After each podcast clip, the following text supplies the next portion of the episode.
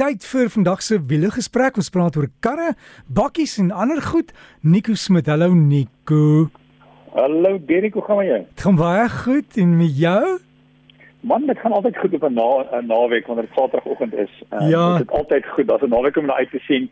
Ehm uh, ja, dit gaan gaan baie goed, dankie. Ja, jy weet baie keer, jy weet uh, as jy 'n naweek kry en jy wil ook maar net bietjie in lê en niks doen nie. Jy weet daai daai jy vergeet mos baie keer onder in die yskas se laai daai worteltjies wat vars was en dan raak hulle so soos ou mens velletjies. Jy weet. Jy's reg. Ja, jy voel baie keer net so, né? Ja. Partymal is dit net 'n Saterdag weer. Weet jy wat ek is vandag nou nie lus vir baie nie. Ja. Ag, maar wat, hoe sê hulle bietjie bietjie van dit en bietjie van dat, bietjie sonskyn, dan is ons weer aan die gang. Maar jy wil gesels oor wiele? Soos 'n bande en ek, dan die rad. Is daar 'n regte rad vir 'n kar wat nie outomaties is nie? Dis reg wel. Iemand het my gevra, so die twee vrae is baie dieselfde. Die een vraag sê die persoon hy het 'n Ford Ranger 2.2 en hy sleep 'n karavaan en hy wil weet is uh, dit reg om 'n D, D staan vir drive en S staan vir sport. As dit reg om 'n drive te, te die voertuig te sleep, die, die te sleep of of of, of met hy eerder sport gebruik. En 'n ander vraag gaan ook oor 'n outomatiese radkas en gaan oor wat is die gemaklikste ehm um, revolusies. Ehm um, wanneer ek ry, ehm um, die persoon sê hy het gehoor hy moenie onder 2000 revolusies wees wanneer hy swaar trek en jy weet so wat wat is die regte rad.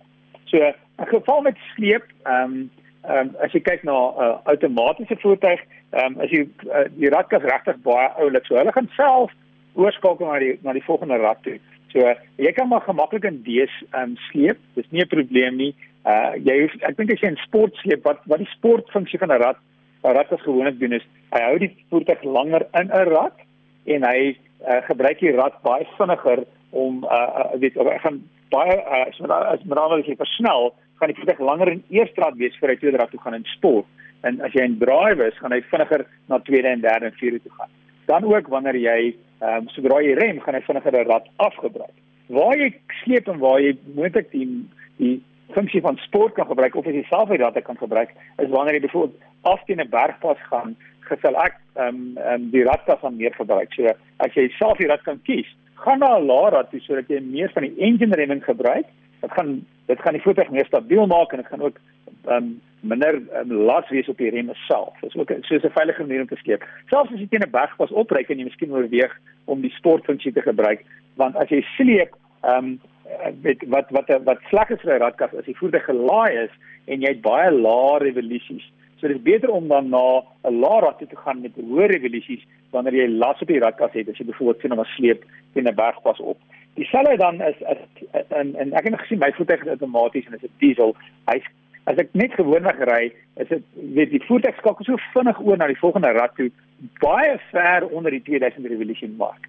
'n merk. So ehm um, die ehm um, die beste manier om te kyk is wanneer jy oorskakel is die tipe engine wat jy het, as dit byvoorbeeld 'n turbo diesel is, as, as net die voorbeeld, kyk wat na die wrinkragkurwe en kyk wanneer is die maksimum kurwe. Kom ons uh, maksimum wrinkrag. Kom ons sê dit is by 1800 revolusies.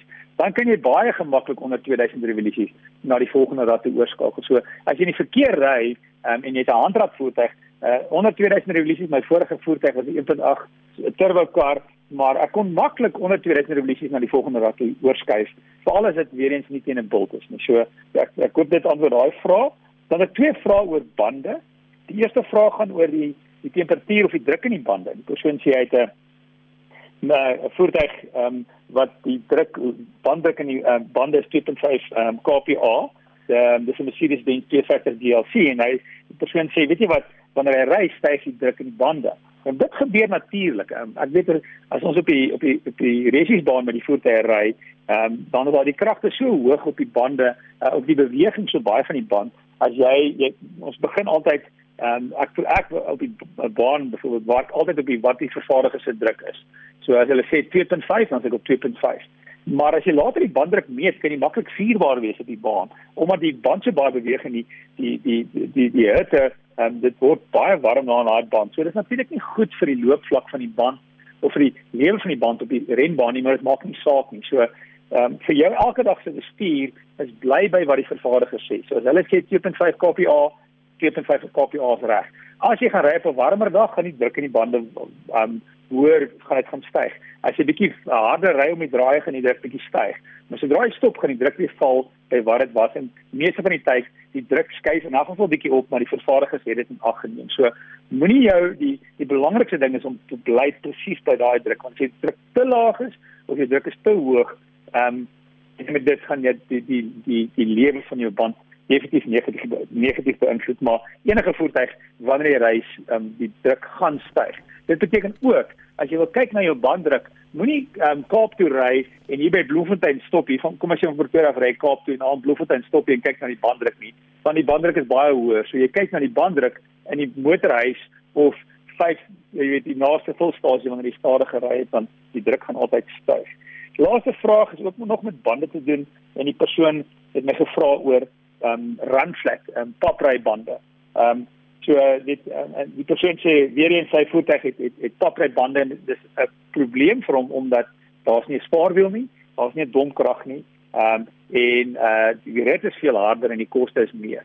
So ongelukkig moet jy ook net seker maak dat jou versekerings um as dis een ding waarmee ek sal begin is, kan jy gewone bande opsit waar die voertuig um run flat het, papry bande, wat gaan dit jou versekerings beïnvloed? Ek sal daarmee begin.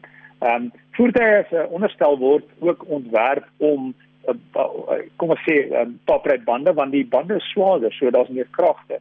So jy kan bijvoorbeeld nie 'n voertuig wat nie papred bande het sommer net papred bande opsit nie. So ek verstaan die frustrasie, die koste van baie maal is is papred bande baie duurder as gewone bande en dit is spaarwiel nie, maar as jy gewone bande opsit, het jy eintlik in 'n mate groter probleem want as jy pap wil kry, dan is jy regtig gestrand. Dan kan jy niks doen nie.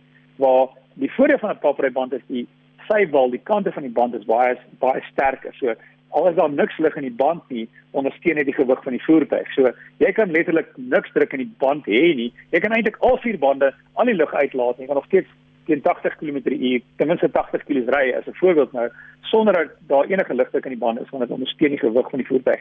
So is net jy weet jy kan ry tot jy nuwe bande kry, jy weet tot jy 'n plan kan maak, maar daar's ander nadele want jy kan nie weer 'n weet ons praat van 'n plug, jy kan nie weer die band regmaak as hy as hy beskadig is nie. So die groot ding is ek verstaan die frustrasie, maar maak seker dat jy al die ander goederes in ag neem en ook jou versekerings nog steeds sê dis reg as jy ander bande op jou voet het.